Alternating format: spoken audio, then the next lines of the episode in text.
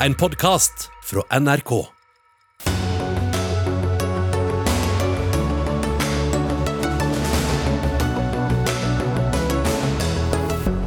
Det grønneste og mest omfordelende budsjettet på åtte år, sier Arbeiderpartiet etter budsjettenighet med SV. Så hvorfor måtte de presses for å komme dit?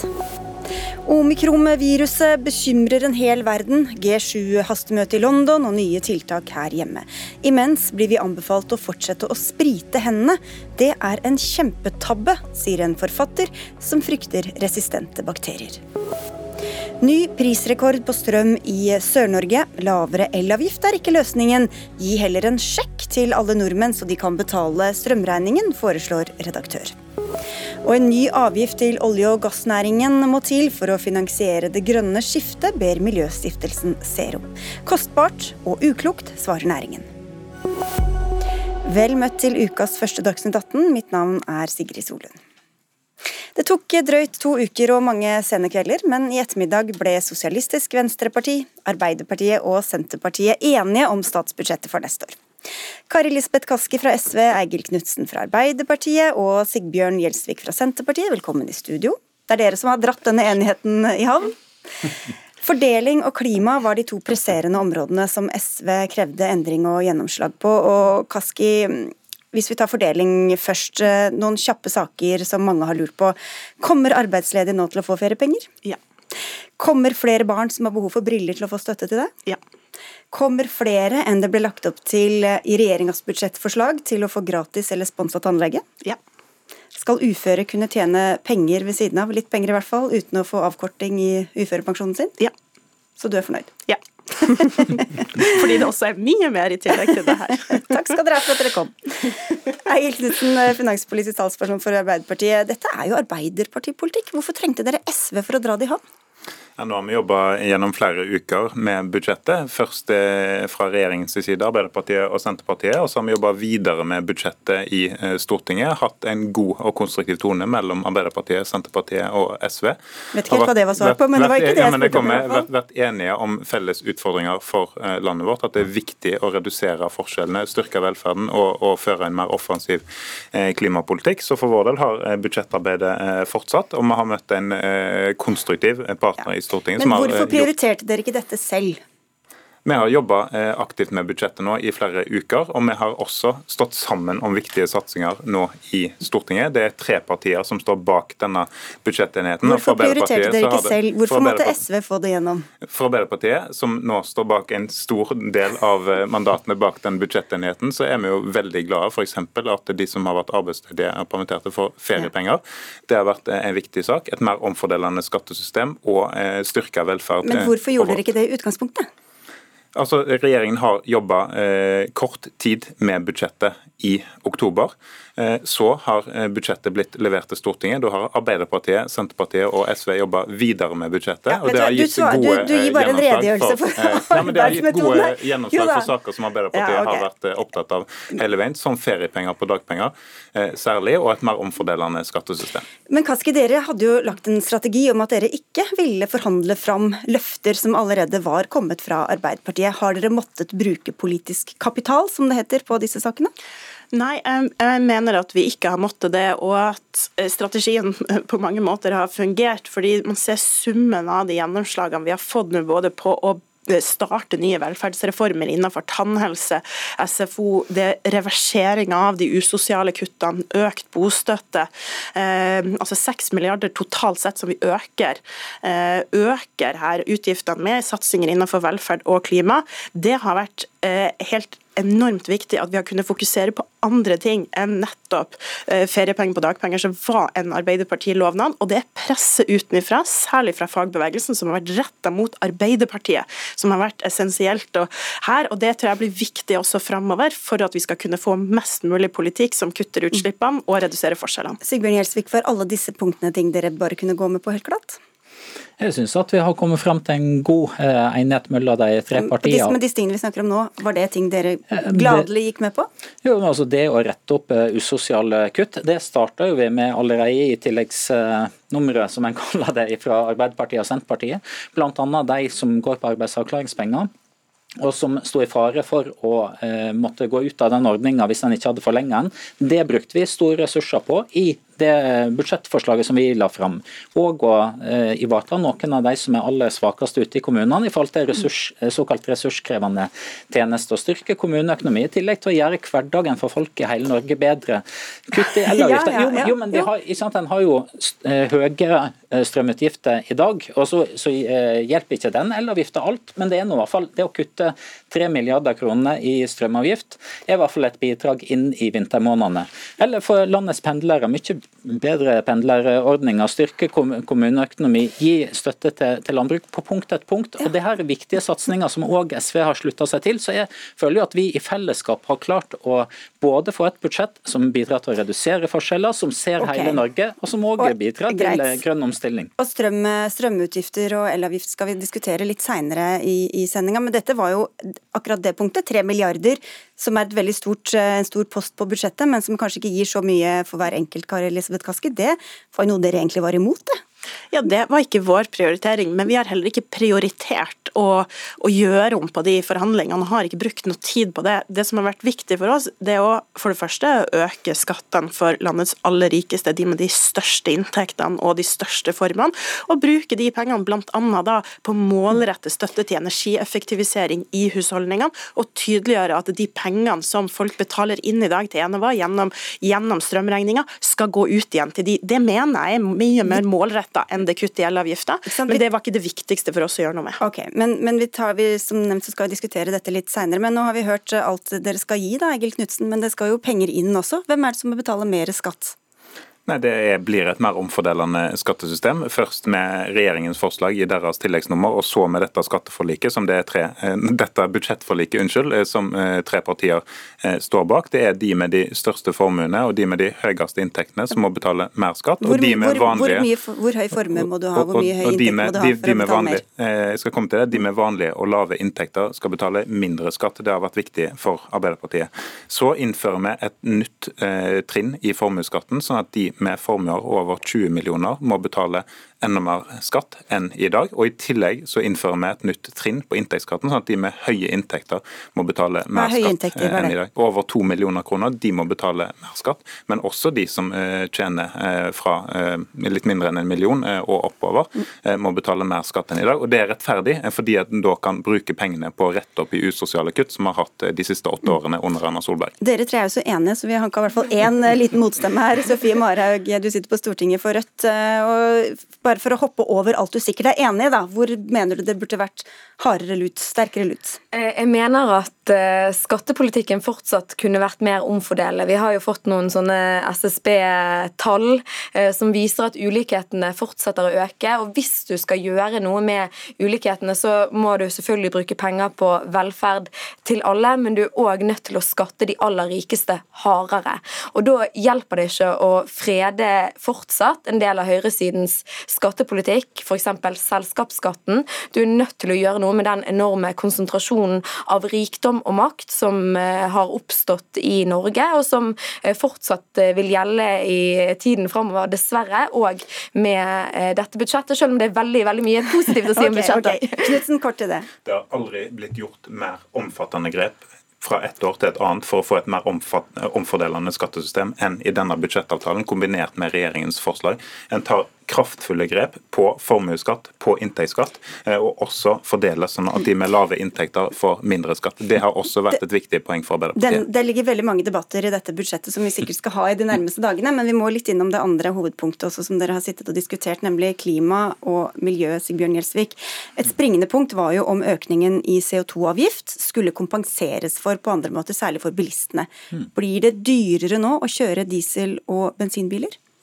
Ja, altså Det budsjettet som Erna Solberg la frem eh, Snakk om hadde... deres eget budsjett jo, jo, jo, jo, men vi må sammenligne det med det som Erna Solberg la frem. 28% økning i CO2-avgifter, som vi òg har i vårt budsjett. Og, og, så har vi en 50% kompensasjon av det til bilistene, noe som Erna Solberg ikke hadde. Og I sum så har vi ca. 2,3 milliarder kroner lavere avgiftsnivå enn det som lå fra høyreregjeringa i deres budsjettforslag. Så en tydelig politikk i forhold til å gi lettelser til de med lave og middels inntekter, de som som har mest fra, fra før, kan bidra noe mer, og så lavere skatter enn det som høyresida la opp til.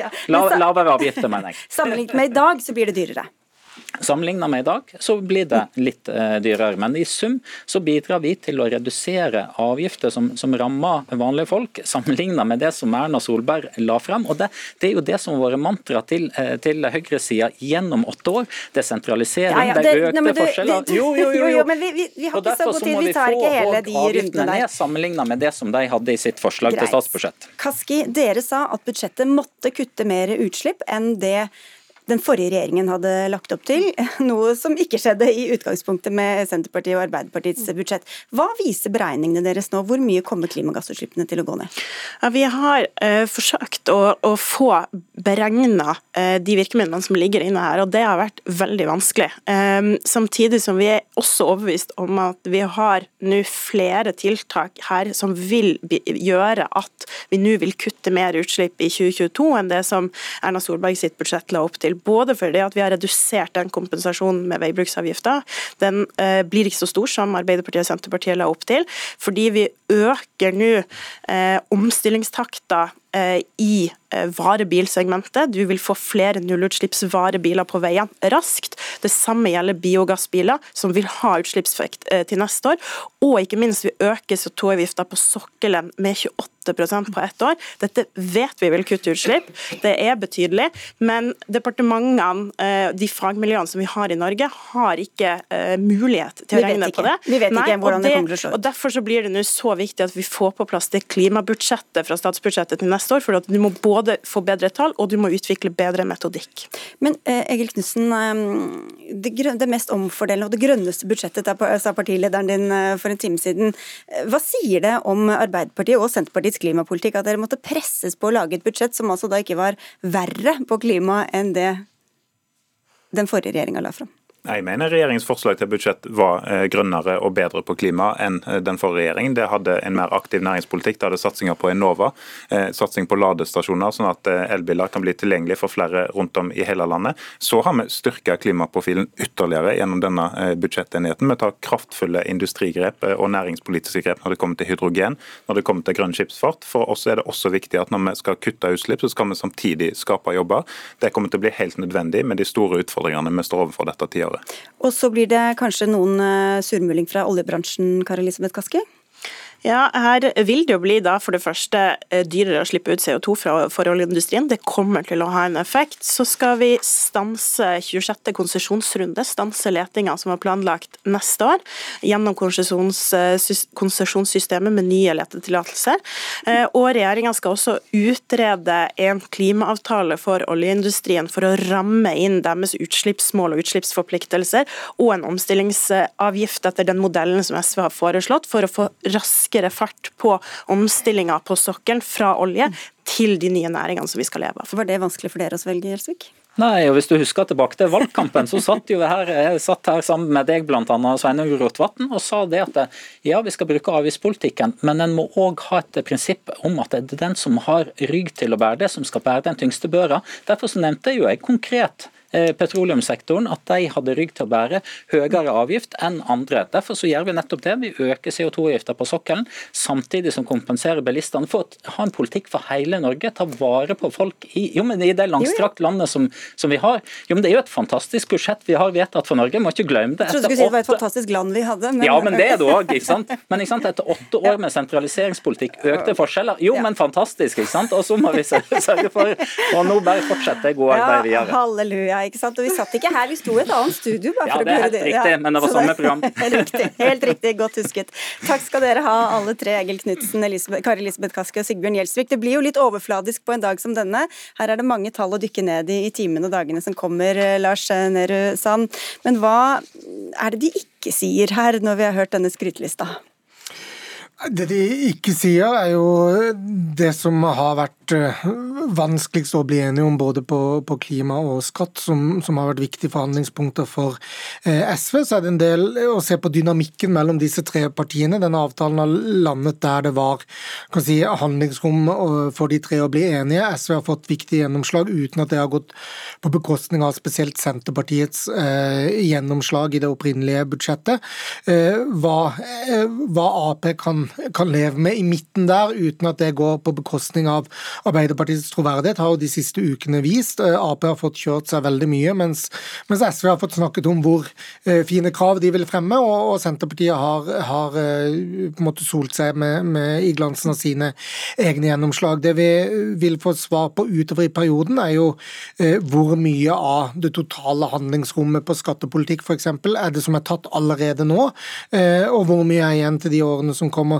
Og så skal vi legge merke til at SV får eh, ekstremt mye politikkgjennomslag, som ikke handler om nødvendigvis budsjettendringer neste år, men som, som handler om politiske innfrielser som SV får eh, på sikt. Og det er jo til si, til erstatning for en samarbeidsavtale, til erstatning for å være med på, på Hurdal-plattformen, så har SV fått gjennom veldig mye i, i disse budsjettforhandlingene, som, som eh, neppe vil bli kanskje like store politiske gjennomslag eh, fremover i tid. Så at dette er det enkleste budsjettet av de eh, fire, f.eks., eh, disse tre partiene må bli enige om, det tror, nok, det, tror jeg nok, vi kan si.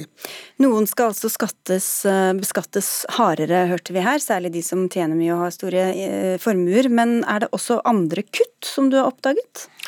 Nei, For det første oppdager jeg at de har flytta på ganske masse penger. og Det viser på langt, langt på vei at SVs forhandlingsstrategi på sett og vis har funka, eh, ved å presse Arbeiderpartiet og Senterpartiet til å måtte eh, stå for noen av disse gjennomslagene selv og ta det av deres forhandlingskapital. Så har eh, SV også fått gjennomslag for, for sine at de flytter på mellom 8 og 10 milliarder kroner her, er, er ganske, ganske mye.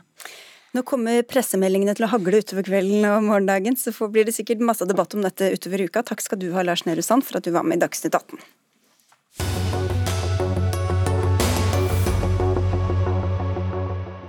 Den eh, nye koronavarianten omikron brer om seg, og bekymringen med den. I ettermiddag kom det melding om at den er oppdaget i Sverige. Ifølge WHO, Verdens helseorganisasjon, kommer omikron sannsynligvis til å spre seg internasjonalt, og utgjør en veldig høy global risiko. Samtidig har det britiske presidentskapet i G7 innkalt helseministrene fra gruppas medlemsland, altså Canada, Frankrike, Tyskland, Italia, Japan, Storbritannia og USA. Og Korrespondent i London, Gry Blekastad Almås, er det kommet ut noe om innholdet i dette møtet, som altså handlet om smitteutviklingen? Ja, Det har kommet en felles uttalelse hvor de bl.a. roser Sør-Afrika for både å ha oppdaget denne mutanten og også delt informasjon om den internasjonalt. Vet ikke om det eh, faller i god jord i Sør-Afrika, hvor eh, de har vært ganske skuffa over at noen av disse landene har stengt grensene sine for innreise fra ikke bare Sør-Afrika, men også flere andre afrikanske land eh, pga. denne omikron-varianten eh, av viruset. Men de har også eh, Eh, sagt at de ønsker å samarbeide om virusovervåkning i regi av eh, WHO, eh, og også at de støtter og vil styrke denne vaksinestrategien, som altså innebærer å gi mer penger og flere vaksiner til land hvor vaksinasjonsgraden er lav. Storbritannia har jo hatt en ganske omdiskutert pandemihåndtering tidligere. Hva gjør britiske myndigheter for å begrense smittespredningen nå? Ja, For det første så har det jo eh, snakket eh, i dag om at eh, det fortsatt er ganske uoversiktlig situasjonen, og at det nå skal forskes for å finne ut både hva som er skadevirkningene og hva som er situasjonen her. Åtte Åtte nye tilfeller er avdekket i Storbritannia i dag, seks av dem i Skottland. Og blant dem så er det folk som ikke har vært ute og reist, noe som da tyder på at smitten allerede er ute i eh, samfunnet eh, og sprer seg. Eh, og Myndighetene sier jo også at vi må regne med mange flere tilfeller nå i, dagene og, ukene som kommer. Men hva gjør de? Jo, fra i morgen tidlig, eller fra i natt egentlig klokka fire, så må alle som reiser inn til Storbritannia, også fullvaksinerte og trippelvaksinerte, ta en PCR-test og isolere seg fram til de får et negativt resultat på den testen. Eh, og Den må tas da innen to døgn etter at de kommer til landet. I tillegg så gjeninnføres eh, munnbindkravene i butikker og på offentlig transport. Det siste gjelder England, som har hatt fritt fram, holdt jeg på å si, siden i sommer, mens Wales, Skottland og Nord-Irland har hatt munnbindkrav hele veien. Så det er klart at nå strammes det inn, noe det reageres på enkelte steder. Eh, men det er også de som mener at man aldri burde gått bort ifra disse kravene, og at man i utgangspunktet slapp opp eh, for mye. Kanskje er omikron kommet til Norge, hvis ikke banker vil på døra, helseminister Ingvild Kjerkol. Og dere er kommet med noen nye smitteverntiltak i dag. Hva er det de går ut på? Nei, Vi har eh, innført, eh, eller vi har utvida eh, tida for isolasjon hvis man er tester positiv og det er mistanke om at det kan være denne nye varianten. Også smittekarantene for pårørende, skal jeg si, nær, nærkontakter og husstandsmedlemmer. Det er viktig for oss å både prøve å utsette at denne kommer til landet, men samtidig være forberedt hvis den eh, allerede er her. Men Hvordan skal folk eh, vite om det er grunn til å mistenke det eller ikke? Det er jo hvis man har vært i de her eh, landene i sørlige Afrika, da. det er jo en indikasjon på det. Eh, men man kan jo ikke være helt sikker. Derfor er det viktig at man samarbeider tett nå eh, om å få mest mulig kunnskap om smitteveier og, og, og hvordan det her viruset faktisk oppfører seg. Og om, for ikke å si når, det oppdages et tilfelle i Norge, hva, hva da? Nei, da skal man rett i isolasjon og smittekarantene. Eh, og det, det er lagt på plass i dag gjennom den forskriften du viste til. Men eh, kan det også komme da andre tiltak på plass utover disse isolasjon- og karantenebestemmelsene? Ja, det kan det. Det vurderer vi fortløpende. Og så ser vi også hva EU gjør. Nå har jo ikke vi direkte flygninger fra de her landene, og hvis eh, smitten allerede er her, så jo også, er jo det også tiltak med veldig begrensa verdi. Eh, sånn at vi må prøve å få mest mulig kunnskap om det her leder til mer alvorlige sykdomsforløp. Det tyder jo mye på at den er mer smittsom enn delta-varianten. Eh, og det, Da understreker det bare hvor viktig det er at vi holder trykket opp på det vaksinearbeidet vi har satt i gang nå, med tredje oppfriskningsdose til hele befolkningen, og, og, særlig dem over 65 år. Og Vi skal straks diskutere nettopp vaksiner, men før du går, altså dersom det er mer smittsomt, men mindre farlig, er det da behov for store inngrep, altså inngrep eller er det egentlig bra at den da overtar og får spre, spre seg? Det er fortsatt veldig viktig å beskytte dem som kan bli alvorlig syke, eh, for dem finnes jo. Og det, under, det, fører meg rett tilbake til vaksinestrategien igjen. At vi får opp eh, tempoet på vaksine av tredje dose til dem over 65 år, og fortsetter med oppfriskningsdoser til resten av befolkningen også. Og I morgen kommer dere med en ny koronastrategi. Jeg tror det er helt uh, fånete å få ut av deg hva den går ut på. Mulig vi ses igjen i morgen. Takk skal du ha, Ingvild Kjerkol. Takk. For når vi nå har fått en ny og enda mer smittsom eh, virusvariant, er det da fortsatt lurt at flere og flere nordmenn skal få en tredje vaksinedose? For ikke å si rettferdig.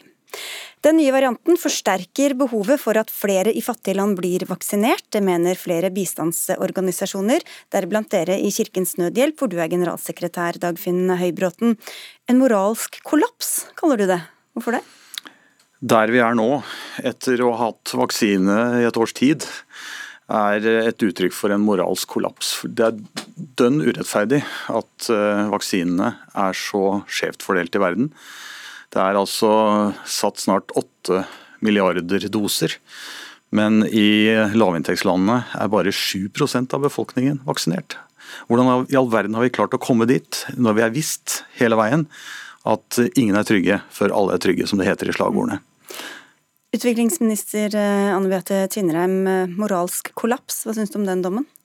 Her eh, deler Høybråten og jeg eh, den samme bekymringen. Det er jo riktig som han sier, ingen er trygge før alle er trygge. Eh, samtidig så er jeg jo glad for at Norge i alle fall bidrar betydelig inn i det spleiselaget dette, dette må være. Men det er klart at det er mange flere som må gjøre mye mer. Og den nye mutanten vi nå har på vei mot oss, eller som kanskje er her allerede, er jo et, en skremmende påminnelse om nettopp det. Men du byttet akkurat plass med helseministeren helseministeren. Hvis det bare var du, og det var ikke hun som tok denne beslutningen om tredje vaksinedose i Norge, hva hadde du gjort da? Poenget er at vi må klare å gjøre begge deler. Men vi klarer jo ikke det. Jo, Norge klarer det. Eh, fordi eh, vi skal følge eh, folkehelsemyndighetenes råd om en boosterdose. Nå først til de over 65 og helsepersonell, på sikt til hele befolkningen. Vi må jo klare å ta vare på eh, å følge helsefaglige råd for vår egen befolkning, samtidig som vi bidrar internasjonalt. Og Nå har vi bl.a. nettopp bidratt med ytterligere to milliarder kroner til det som heter ACTA, som er det globale helsesamarbeidet. Vi har eh, gått inn for å jobbe for eh, et såkalt unntak for covid-patenter i WTO-avtalen. Vi gjør en hel masse, men, men, men, det er klart at det holder ikke at Norge gjør masse. Det er mange som må gjøre masse. Men vi klarer begge deler, Høybråten. Norge har gjort eh, mye bra, og Norge eh, har tatt et lederskap i det internasjonale samarbeidet for å få til en rettferdig vaksinefordeling. Og Det er veldig bra at den nye regjeringen bekrefter det, både med bevilgninger og med å gå inn i den rollen i ledelsen av dette samarbeidet. Men det som er eh, alvorlig her, det er at tvers gjennom denne pandemien så har de rike landene forsynt seg grovt av produksjonen av vaksiner de har lovt å gi bort penger og gi bort doser, men vært utrolig treige med å oppfylle sine løfter. Og Resultatet er at vaksinene kommer ikke ut i det tempo som, som, er nødvendig for å hindre at nye mutanter kommer som bumeranger mot oss. Og Nå sitter vi i denne situasjonen. Mange av oss har advart mot det eh, gang på gang. Men det som, det som, er et faktum, er at eh, lederne i hovedstedene rundt omkring i verden de tenker først på seg selv og sitt. Så stenger de grensene når, når det kommer eh, nye utbrudd. Istedenfor å tenke at dette er et kollektivt problem som krever felles løsninger. Og da må man ikke bare bevilge penger og dele doser, men man må også sørge for eh, at eh, det er finansiering til å sette disse sprøytene. Jo, men det er jo et begrenset antall vaksiner foreløpig, i hvert fall. Skal ikke en regjering først og fremst beskytte sin egen befolkning, da? Det er som utviklingsministeren sier, man må ha to tanker i hodet samtidig. Og jeg vil si, Norge har faktisk vært, under skiftende regjeringer, i stand til det. Men i den situasjonen vi er nå, så uh, mener jeg det er, det er, helt prekært at uh, man i dette internasjonale samarbeidet sørger for at de løfter man har gitt om doser og penger blir oppfylt, og at man i tillegg finansierer ja, selve vaksineringen. Nei, Jeg snakker om Norge også, men Norge er ganske langt fremme. Mm. Det, det er det ingen bedre. tvil om, men kunne vært mye mye lenger fremme. Ja, altså, for det første så må vi jo Eh, som Høybråten sier, dele doser. Eh, der har Norge gitt bort de fem millionene dosene som vi har lovet, pluss at vi har finansiert 30 millioner doser gjennom Covax. Det andre er at vi må få opp produksjonen. Her kan eh, et kompromiss i WTO på å løsne opp på patentregimet Som Norge har strittet imot Ja, men som den nye regjeringen nå har snudd på. være en løsning. Men, men, et annet problem har jo også vært dette med altså, Vestlige land har jo på, bestilt altfor mange doser i forhold til hva man har hatt behov for. og det skyldtes jo bl.a. at man ikke visste hvilke som ville bli godkjent, hvilke vaksiner som ville fungere. Og så, har, vi, har, vi, har, vi, bestilt mer enn det vi trengte. Den situasjonen kommer vi jo ikke til å komme i framover. Eh, og målet for Norge er jo nå at nå skal ikke vi ha flere vaksiner på lager enn det vi trenger til egen befolkning. Og det er jo også en måte å få på en måte eh, smørt systemet, sånn at dosene kommer også til utviklingsland raskere fra men, produksjon. Men når det da kommer stadig nye mutasjoner sånn som vi ser nå, så trenger vi enda flere nye boostervaksiner. Hvordan skal vi da noen gang bli ferdig med denne pandemien? Vi skal få opp produksjonen. Ja, Vi må også bekjempe den overalt i verden. og Da må man faktisk prioritere sårbare grupper i fattige land fremfor stadig nye grupper av friske mennesker i de rike landene. For Vaksineindustrien er jo interessert i å selge der hvor kjøpekraften er størst, og det er i de rike landene. og Derfor tilbyr de vaksiner til stadig nye grupper som ikke er blant de sårbare. Og Da er du inne på barn og unge, kanskje? Blant annet. Blant annet. Ok, Men dere, vi må nesten avslutte. Mens vi får stadig nye stikk i armen, så blir vi anbefalt å sprite hendene våre for å unngå å bli syke. Det er en kjempetabbe, mener en som kommer til oss men det skjer litt senere i sendingen. Nå skal vi si takk til Dagfinn Høybråten fra Kirkens Nødhjelp og utviklingsminister Anne Beate Tvinnereim.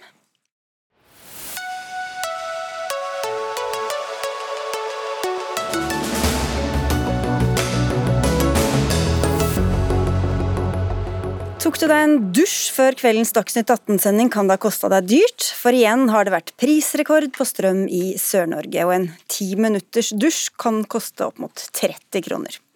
Og mens regjeringa lover å gjøre det lettere for folk flest ved å redusere elavgiften og øke bostøtten, som vi allerede har vært innom her i denne sendingen, så foreslår du, Anders Bjartnes, redaktør i Energi og Klima, noe helt annet. Du foreslår at staten heller utbetaler f.eks. 2000 kroner til hver, så de kan betale strømregninga. Hvorfor det?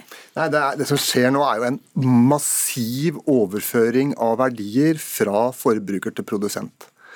Vi ser det i Europa, i gassmarkedene. Det er en voldsom pengeoverføring fra folk flest til, til produsenter av gass, altså i Norge i vårt tilfelle.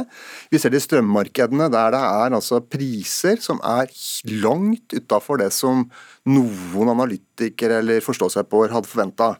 Og, den, og det volumet på den verdioverføringen mener jeg at, det, at, den må møte med mer kraft enn det som ligger i disse her eh, forslagene i budsjettet, og som nå blir vedtatt.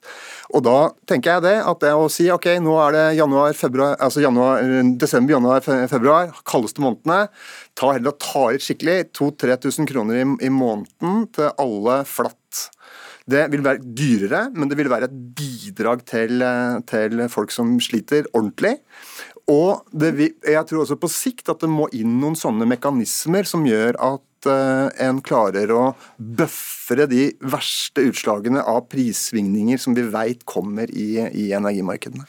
Ja, hvorfor ikke skrive noen sjekker, olje- og energiminister Marte Mjøs Persen? Det er ingen tvil om at det er veldig krevende med så høye strømpriser for veldig mange. Eh, og jeg er åpen for å se på ulike alternativer på hvordan vi kan eh, gjøre det enklere for folk å betale strømregningen sin. Men når det gjelder omfordeling, så går jo det først og fremst over skattesystemet. og Nå har vi akkurat blitt enige om et budsjett der to av tre får lavere eh, skatt å betale. I tillegg så reduserer vi jo elavgiften til et nivå som ikke vi har sett et lavere nivå på siden 90-tallet. Og vi har gjort også dette med bostøtte. Så ser vi på flere tiltak. Og så er det også viktig, tenker jeg, å se på de langsiktige tiltakene. Da handler det bl.a. at vi må bygge ut mer kraft, eh, og at vi får bedre overføringskapasitet.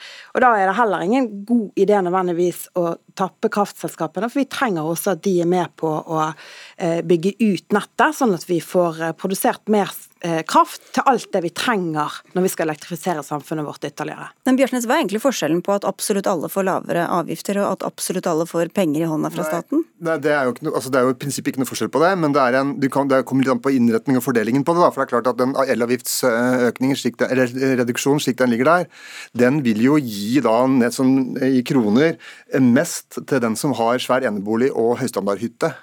Mens du kunne ha innretta en sånn uh, flat utbetaling på en måte som hadde bedre fordelingsprofil. Da.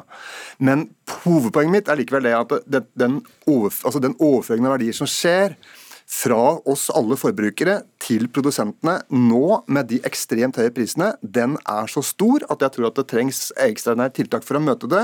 Og det politiske poenget med det er jo det at hele dette feltet her er jo en polariseringsmaskin. Det vet vi jo. ikke sant? Det er så mye konflikt og så mye strid rundt alt som har med energi å gjøre at, og, og, at sånn at legitimiteten til, til energi- og, klimapolitikken tror jeg den, den, henger oss sammen med evnen til å reagere resolutt når sånne uforutsette situasjoner oppstår. Du skal få ordet, Pierre, men vi skal få inn litt flere her. Sofie Marhaug fra Rødt, du er tilbake i studio. For å ta disse tre milliardene da, som brukes i budsjettet på, på lavere elavgift, hvor treffsikkert er det, mener dere? Altså, eh, Jeg er helt enig i deler av beskrivelsen som Bjartnes gir her, at det er husholdningene som betaler for de økte strømprisene akkurat nå, eh, mens kraftselskapene og kraftbransjen tjener gode penger på at prisene er høye. og Det er grunnleggende sett urettferdig og usosialt. Og Så kan det jo hjelpe med sånn kutt i elavgiften, det, ikke, det, ikke, eh, det har sine fordeler, det. Men det hjelper veldig lite når det kommer flere avgifter i tillegg. Fra 1 1.1 så får vi en rushtidsavgift på strøm. Kommer til å bli veldig upopulært. Kommer til å bli livsfarlig for fattige vanlige folk som må spare penger eh, i, når de kommer hjem fra jobb, og setter på vaskemaskinen om natten for å få råd til å betale strømregningen sin. Og det er en politisk styrt avgift som Erna Solberg vedtok i sommer, og som jeg vil utfordre statsråden Persen eh, til å fjerne. Eh, innrette annerledes. Det er noe regjeringen kan bestemme. og Jeg har spurt eh, statsråden om det, Jeg har fått et på den ene og på den andre siden svar. Nå har du sjansen til å rette opp i en usosial avgift som kommer eh, fra 1.1, og kommer i tillegg til økning i nettleien, som vil nulle ut kutt i elavgiften. Jeg tror det er litt upopulært å begynne å gjøre om på budsjettet akkurat i dag, men Persen? Ja, Det har for så vidt ingenting med budsjettet å gjøre, men det har jo med hvordan nettariffen er innrettet, og en anledning som nettselskapene uansett har til å gjøre, og som kan være fornuftig på mange områder, bl.a. ved at vi da får en styring av nettet som gjør at vi eh, øker kapasiteten. Og når vi trenger mer kraft, så det er lurt. Og, er det usolidarisk, da? Nei, jeg mener ikke det, fordi at det vil jo ramme mest de som kanskje har mest, f.eks. de som insisterer på å lade elbilen sin akkurat når de kommer hjem fra jobb, istedenfor å styre det, og ikke nødvendigvis de som har minst. Eh, og Det samme er jo egentlig dette her med, med store eneboliger og sånn. Altså Det er ikke gitt at de som har mest, er de som betaler mest i strømregning, fordi at mange av de kan ha gjort mange tiltak for å redusere strømregningene sine, og strømstyring og, og enøktiltak og sånne ting, mens mange som har dårlig råd, kan bo i trekkfulle hus, ikke har den innretningen. Så Derfor så mener jeg at det grepet vi har gjort i budsjettet i dag, bl.a. med å øke Enova, som kan gi mer støtte til husholdningene, er bra. For da kan også de som har mindre og lavere inntekter, få muligheter til å gjøre strømsparingstiltak. Men vi skal få inn deg også, Sondre Hansmark, du er rådgiver i Civita, og du skriver i et innlegg i Dagens Næringsliv at høye strømpriser, det er egentlig bra, det? Hvordan kom du til den litt upopulære konklusjonen? Ja, det, det, kan være bra, sant? og jeg er helt enig at de som har lave inntekter må jo kompenseres hvis strømregningene blir for vanskelig å betale. Men det vi må huske på er at høye strømpriser gjør, også at det blir mer lønnsomt å bygge ut fornybar energi. Og er det en ting vi trenger i framtiden for å nå klimamålene våre, så er det å bygge ut mer fornybar energi. Det betyr at det blir mer lønnsomt å oppruste vannkraften, at det blir mer lønnsomt å bygge vindkraft. Og vi vet at dersom vi klarer å sikre lønnsomme løsninger på klimakrisen, så blir det enklere å nå målene våre. Det blir enklere for politikere å sette seg høye ambisjoner.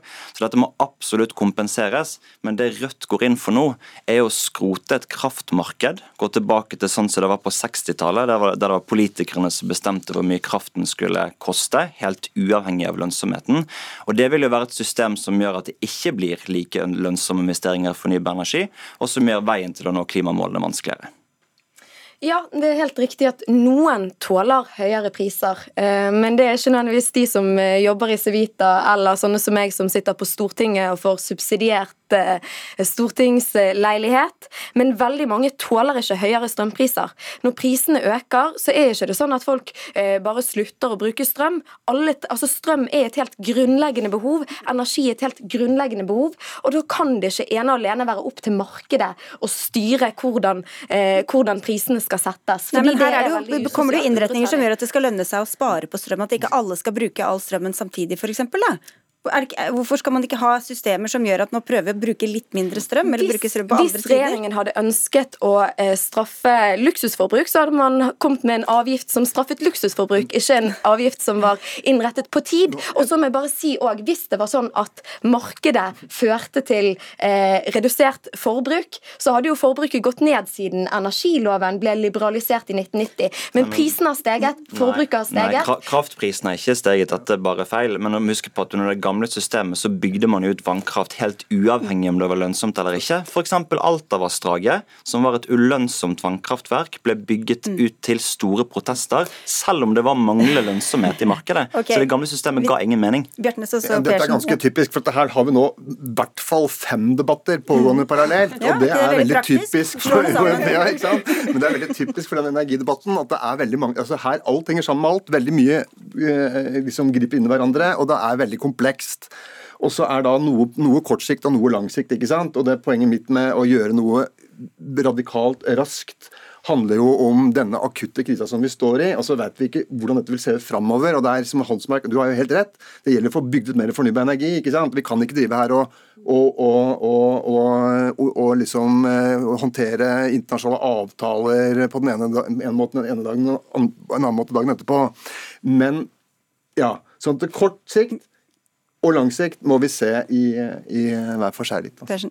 Ja, jeg er helt enig i det, at, eh, og det er derfor jeg også har eh, sympati på ulike måter å tenke på at vi skal gjøre noe med strømprisene på kort sikt. Sant? De første utbetalingene på endringene i bostøtten de gikk allerede i november, og, eh, og derfor er det viktig å, også, syns jeg, å redusere elavgiften, fordi det, det, vil gjøre at alle får litt lavere strømregning. Men jeg tenker at, at vi, vi, skal gå, vi skal gå gjennom, fordi at det er sånn nå at kraftprisene, strømprisene, er uforholdsmessig høye. Jeg mener ikke at vi kan leve med så høye strømpriser over tid for den vanlige husholdning. og Derfor så bør vi også se nærmere på flere kortsiktige tiltak, men også på de langsiktige tiltakene. Og hva er de langsiktige tiltakene? Nei, det handler jo, Vi har jo listet opp over 20 tiltak egentlig i Hurdalsplattformen. Jeg skal ikke ramse opp alle, men det handler jo bl.a. om å bygge ut eh, mer kraft. Eh, bl.a. gjennom å sikre at vi får mer kraft inn i systemet. Fordi at kraft handler ikke bare om husholdningene, det handler også om at det har vært et av våre aller største konkurransefortrinn at vi har hatt rikelig og rimelig tilgang på fornybar kraft til industrien vår. og Det skal det fortsette å være, og da trenger vi å bygge ut mer kraft, bl.a. med mer havvind. Men Det dere sier veldig lite om, er det jeg var inne på i stad, energieffektivisering. Det er nevnt ett sted i Hurdalserklæringen.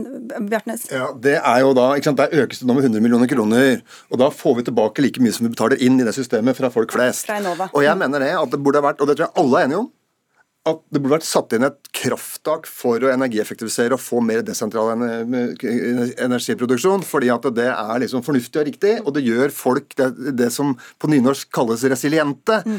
Fordi at du da nettopp klarer å, det er med mye mindre strøm å ha det like godt og varmt som du, som du hadde da det var gistent eh, huset ditt. Kort kommentar, og Det gjør vi jo nå i budsjettet. Da legger vi inn 100 millioner som skal gå til husholdningene, eh, rettet mot eh, enøktiltak. Ja, den mest miljøvennlige energien er jo den vi ikke bruker. så energi energieffektivisering er jo det aller beste tiltaket vi har, og det er òg noe som er skånsomt for naturen. Men vi også, når vi snakker om årsakene til de høye strømprisene, så må vi òg huske på at det er veldig lønnsomt for kraftbransjen å eksportere masse strøm ut. Da forsvinner de konkurransefortrinnene for den rene, eh, den rene grønne industrien eh, på land. Eh, prosessindustrien som er avhengig av billig, ren kraft. De langtidskontraktene skal reforhandles. Hvis prisene er på det nivået som de er nå, så tåler ikke norsk industri det. Da blir vi mer avhengig av olje og gass, mindre avhengig av ren vannkraft. For vi gjør oss til råvareprodusent som eksporterer kraften ut. Det er ikke bra for det grønne skiftet. Og det er vel andre land som har gjort det, Hans Merk, og sagt at nå må vi beholde litt mer av strømmen vår selv? Mm, ja, men vi må jo se på at altså, Grunnen til at vi også bygger utenlandskabler til utlandet, er fordi at vi skal løse klimakrisen sammen med Europa. Og når vi ser at når Danmark f.eks. går over fra kull til fornybar energi, så trenger de også en sikkerhet som de kan skru på den dagen det ikke blåser eller den dagen det ikke er sol. Så det at vi har kraftsamarbeid med utlandet gjør at hele Europa kan omstille seg. Det gjør at Norge kan selge vannkraften sin sånn at vi får inntekter til fellesskapet. Og det gjør at vi kan importere strømmen fra utlandet når den er billigere enn her i Norge. Så dette er en vinn-vinn-situasjon som både sørger for lønnsomhet i kraftindustrien i Norge, og som sørger for at vi kutter utslipp. Skulle du si noe på slutten her, Persen? Jeg håper det handler om noe helt annet, for vi liker å ha veldig mange debatter. Nei, poenget er jo at dette, altså dette er jo en debatt der på en måte det er ulike svar på ulike ting. og Det er jo litt fordi at dette er jo komplekst, sant? Eh, og det henger sammen. og jeg mener at Her har alle egentlig litt rett da, sant, i den debatten her. Men når det gjelder utenlandskablene, så har vi sagt at vi skal ikke bygge flere utenlandskabler i denne perioden. Det står helt fast. Og så er det lov å kort, eh, ha litt kortere dusjer. Det går til alle tenåringer der ute. at Det går faktisk an. Eh, takk skal dere ha alle sammen for at dere var med hos oss oss Sofie Marhaug fra Rødt, Martin Mjøs Persen som er olje- og energiminister, Sonje Hansmark nå i Civita og Anders Bjartnes fra Energi og klima.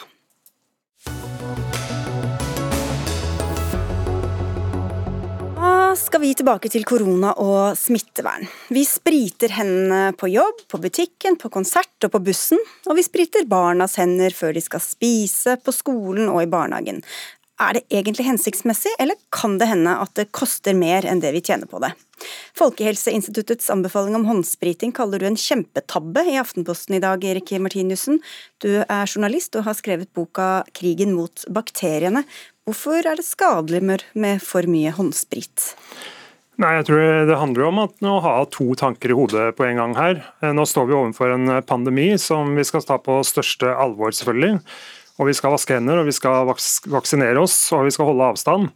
Men samtidig er det en annen underliggende epidemi som vi også må være påpasselige på, og det er resistente bakterier. Årlig dør 200 000 mennesker av resistente bakterier. Og Det viktigste middelet som leger, og sykepleiere og helsearbeidere har for å holde resistente bakterier vekk fra sykehusene og unngå at de smitter mellom avdelinger, og sånn, det er jo håndsprit. Og Det som bekymrer meg og mange fagfolk også, er at den utbredte bruken av håndsprit som nå skjer, både i barnehager og på skoler og i sosiale sammenhenger, gjør at bakteriene blir motstandsdyktige da, mot eh, håndspriten. Og I verste tilfelle da, etter pandemien, når koronaen er over, så står vi jo veldig dårligere rusta for å eh, bekjempe resistente bakterier om, eh, om, de ikke tåler håndsprit. Og Likevel anbefaler dere dette, Line Wold, du er avdelingsdirektør i Folkehelseinstituttet. Hvorfor det? Først vil jeg gjerne si at eh, vi deler jo Martinhusens eh, bekymring om antibiotikaresistens eh, generelt. Det er et veldig viktig felt, og vi har flere arbeidsgrupper som jobber med den tematikken og gjør jevnlig også oppsummeringer av den kunnskapen som foreligger når det, når det gjelder antibiotikaresistens, og, og, også når det gjelder resistens mot håndsprit. Og per nå så er det ingenting av de oppsummeringene vi har gjort og den sammenstillingen av, av kunnskap som peker på at det å bruke håndsprit håndsprit eh, er eh, utfordrende i forhold til resistensutvikling. Så, så akkurat når det gjelder håndsprit, så, så, er jo det noe som inngår i en del av det håndhygieneregimet vi anbefaler, men det er jo først og fremst eh, håndvask vi anbefaler, og så kan man bruke håndsprit dersom man ikke har Eh, såpe og vann tilgjengelig. Og så er jo dette med håndvask og god håndhygiene det er en av de eh, helt basale hygienetiltakene som vi bruker. Ja. Og som er veldig effektivt mot en rekke smittsomme sykdommer. Og som eh, Folkehelseinstitutt rundt omkring i hele verden anbefaler nå i, i denne pandemitiden for å ta ned smittetrykket. Og det er forebyggende mot infeksjonssykdommer generelt. Mange. Men Martinussen, sitter du på annen informasjon som sier at dette er Nei, jeg tror FHI sitter nok på samme informasjon som meg meg. Det er jo kjent at bakterier kan utvikle motstandskraft mot uh, håndsprit. Uh, og den utstrakte bruken som er nå, hvor vi alle bruker det, uh, det er jo skadelig på sikt. Så jeg tror ikke heller Folkehelseinstituttet ville anbefale den type håndspritbruk hvis vi ikke var i en pandemi. Så det er jo ikke sånn at dette er, er helt ufarlig. Og jeg synes Det er litt bekymringsfullt at man ikke tar det mer på alvor, for nå har vi holdt på med dette her i to år. Eh, og Vi har jo hatt utbrudd av resistente bakterier eh, både på Haukeland Oslo universitetssykehus som har tatt eh, mange liv. Og Da snakker vi om resistente bakterier som VRE f.eks. Og, okay, men, og Et viktig middel for å holde de bakteriene og unngå at de sprer seg fra et, et, en avdeling til en annen, er nettopp håndsprit. Så Det er jo viktig at det forbeholdes sykehus, leger og sykepleiere, de som skal bruke det her. Så får vi andre vaske hender. Ja, Vi har jo som sagt ikke sett eh, akkurat resistens mot håndsprit. Har vi ikke sett eh, at det er tydelige indikasjoner på at det er et eh, problem ved bruk av det innenfor rimelighetens grenser. Sånn som vi ja, peker jo på at det er håndvask og såpe og vann som er det viktigste. og så at man bruker for Når du sier at det ikke finnes informasjon om at bakterier blir motstandsdyktige mot håndsprit, er det det du mener? Nei, jeg sier at Når man sammenstiller den informasjonen som er tilgjengelig, så er det jo noen artikler, sånn som du drar ja. fram i, eh, i din kronikk. Så det stemmer kronikk. at bakterier kan bli motstandsdyktige mot håndsprit? Akkurat den artikkelen den er jo omdiskutert. og Det har kommet flere tilbakevisninger av de resultatene Nei, som ligger i den artikkelen. Det, det, er vel ikke helt riktig? Eh, det er flere forfattere og, og vitenskapsfolk som har kritisert innholdet i den artikkelen, bl.a. Eh, Schwebke ved ja, Robert Koch-instituttet, og det er omdiskutert de resultatene. og det, Akkurat den ene artikkelen er jo én artikkel. Mm. Og når man prøver å sammenstille de, eh, den kunnskapen som foreligger, så er nå i hvert fall vår foreløpige konklusjon at det eh, er ikke tydelige indikasjoner på at akkurat håndsprit er ikke. Men litt sånn kost-nytte her, Line Wold. fordi mm. Hvis det er veldig få som det virker som, i hvert fall, som blir smitta gjennom kontaktsmitte, at man tar på ting som andre har tatt på, eller eventuelt på andre som er syke, men man blir først og fremst smitta gjennom lufta, hvorfor, hvorfor skal vi da ta, ta risikoen ved å drive og sprite oss fortsatt? Ja, I begynnelsen av pandemien så var det jo veldig lite vi visste om egentlig eh, smittemåte og, og, hva som veide tyngst inn for å beskytte seg. og Da var det jo sånn at Folkehelseinstitutt rundt i hele verden anbefaler disse basale eh, hygienetiltakene med god mm. håndhygiene. Og, men nå vet vi jo litt andre ting. Ja, og Fortsatt så anbefaler vi god håndhygiene, men det er jo uvisst hvor stor rolle kontaktsmitte spiller. og og det er jo eh, klart at akkurat eh, når det gjelder smittemåte, så er det mye som tyder på at det viktigste er selvfølgelig dråpesmitte nettet, og også over en viss avstand. Så både små og store dråper eh, som overføres direkte fra menneske til menneske på slimhinner. Så det er viktigste smittemåten. Og så eh, er vi usikre på hvor stor effekt eh, dette kontaktsmitte har i tillegg. Men eh, det vi vet er at god håndhygiene er et godt og effektivt tiltak for å forebygge mot smittsomme sykdommer generelt. Ok, men da må jeg bare høre med deg, Martinussen. Men, men, men, mener du da at man skal ta den risikoen det er å ikke sprite for å være solidariske i, med det som kanskje kan komme? Eh, altså jeg mener at, eh, at det, håndsprit, eh, at det at bakteriene blir resistent mot håndsprit eh, som på en måte... Ja. men For hver enkeltperson skal man la være å sprite selv om man er redd for å bli ja, smitta? Utfordringa er jo at når alle bruker det, så er det mye større fare for at bakteriene utvikler motstandskraft. Og, og dette kjenner jo FHI til. Eh, og så det er klart at Dette er jo et middel som er utviklet for å bruke i sykehus.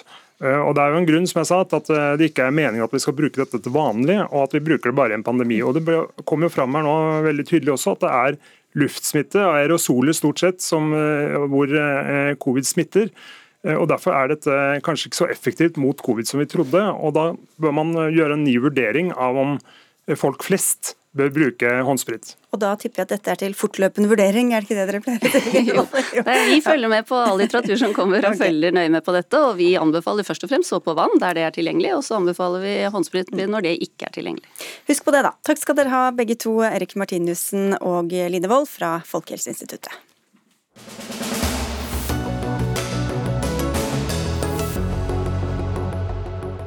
De har kvotehandel og CO2-avgift, men bør det også komme en særegen avgift for olje- og gassbransjen for å finansiere prosjekter som kan sørge for å fange og lagre karbon? Et sånt forslag ble lansert av eh, Klimaomstillingsvalget. Utvalget, tverrpolitisk sammensatt, plukket opp av SV og nå på ny foreslått av deg i en kronikk i Dagens Næringsliv.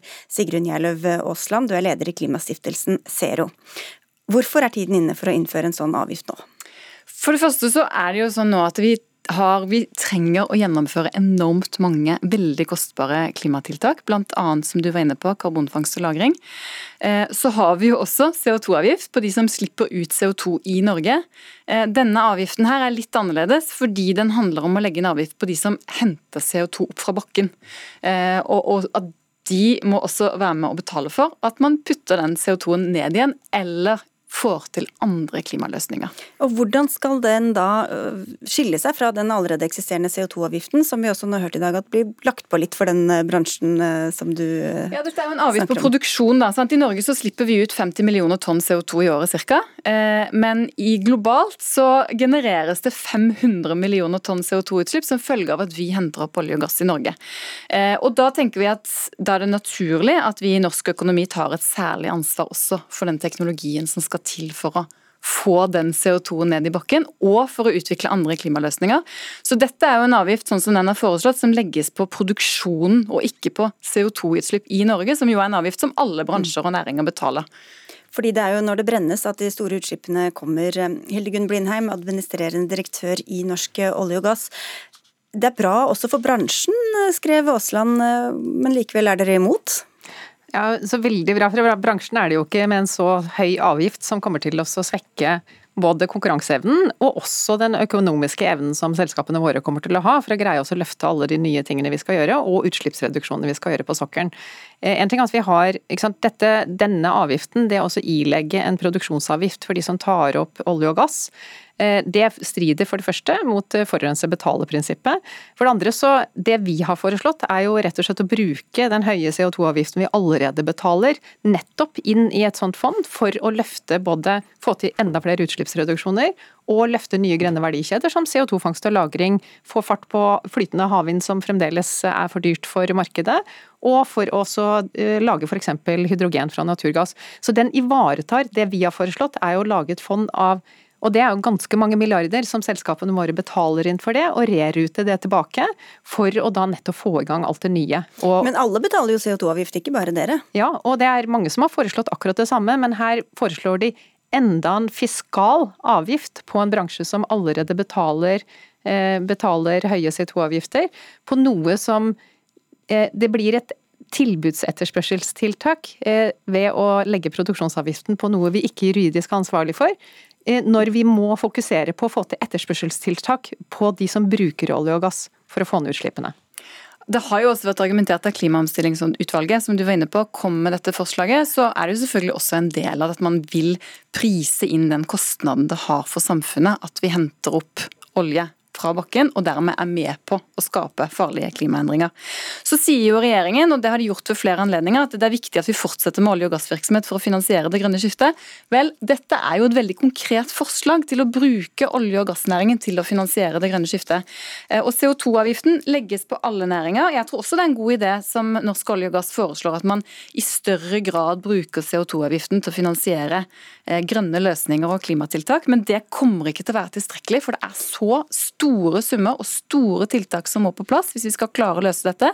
Eh, og Det betyr at en sånn avgift kan bidra både til å prise inn den samfunnskostnaden det faktisk har at vi henter opp så mye, og utvikle veldig avgjørende teknologi for nettopp å få den ned igjen. Så Det er jo ikke, en, det er ikke forurenser betaler, men det er jo likevel en, en, avgift på at den som tar noe opp, også skal putte det ned igjen, eller man skal plukke opp etter seg det man har sluppet ut. Da, det man har bidratt til å generere utslipp. Og Dere sier jo at dere vil eh, omstille, dere vil over være med i det grønne skiftet. og Her vil jo eh, finansiere teknologi som nettopp bidrar til at dere kan gjøre akkurat det, da? Jo, men her, her ønsker jo da Zero at vi skal ta ansvar for alle andres utslipp. Her har alle land i Europa, som vi da f.eks. Eh, eksporterer gassen vår til, de har ansvar for sine utslipp, vi har ansvar for våre. Det vi kan bidra med, er å utvikle teknologi slik at forbruket av olje og gass blir mindre. Nei, utslippere fra forbruk av olje og gass blir mindre.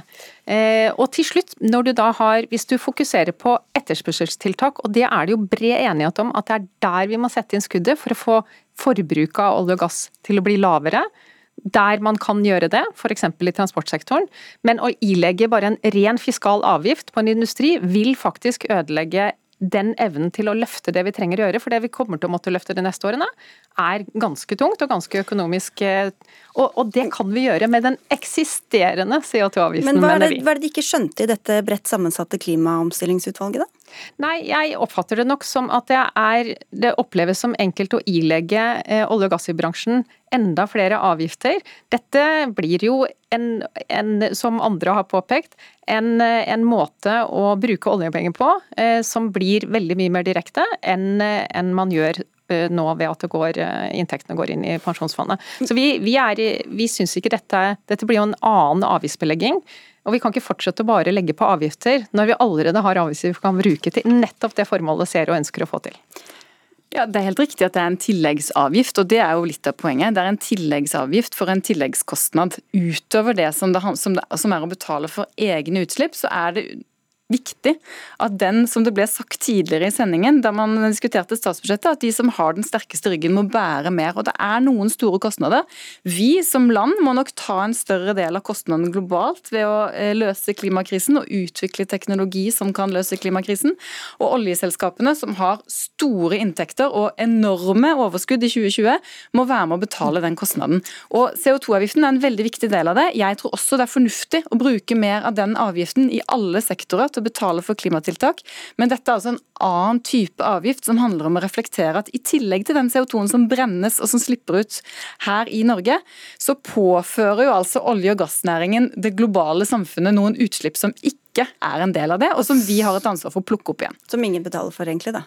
Jo, og jo, absolutt. I Europa, der hvor man forbruker olje og gass, så er det også CO2-avgifter for forbruket. Så dette blir jo en dobbel og trippel og firedobbel eh, avgiftsbelegging. Så, så, og, og da går jo Zero bort fra det FNs klimapanel og klimaavtalene er enige om. Forurenser skal betale, man skal kjøre etterspørselstiltak. Alle studier viser faktisk at det er det mest effektive måten å få ned utslippene på. Dere satser på at ingen vil kjøpe produktene deres? Ja, i, til syvende og sist. Hvis ikke vi greier å dekarbonisere når vi begynner å nærme oss 2050. Vi må bidra til utslippsteknologi for å dekarbonisere den biten av olje og gass som kommer til å fortsette å brukes framover. Eh, og det kan vi gjøre. Eh, og det er et løft vi allerede gjør, og det er en kostnad vi allerede tar. Og så tror jeg mange av Norsk olje og gass medlemmer vil ha god nytte av de eh, inntektene man kunne fått fra et sånt fond, eh, når de investerer selv i karbonfangst eller hydrogen eller havvind eller andre grønne tiltak. Men noen voldsom jubel har vi vel ikke hørt fra den siden? Nei, jeg tror vi skal satse på å bruke den eksisterende CO2-avgiften. Takk skal dere ha, eh, Sigrun Aasland fra Zero og Hildegunn Blindheim fra Norsk olje og gass. Dagsnytt 18 er ved veis ende. Det var Anne Katrine Førli som hadde ansvaret for innholdet. Lisbeth Sellereite tok seg av det tekniske. Mitt navn er Sigrid Solund. Ha en riktig fin kveld.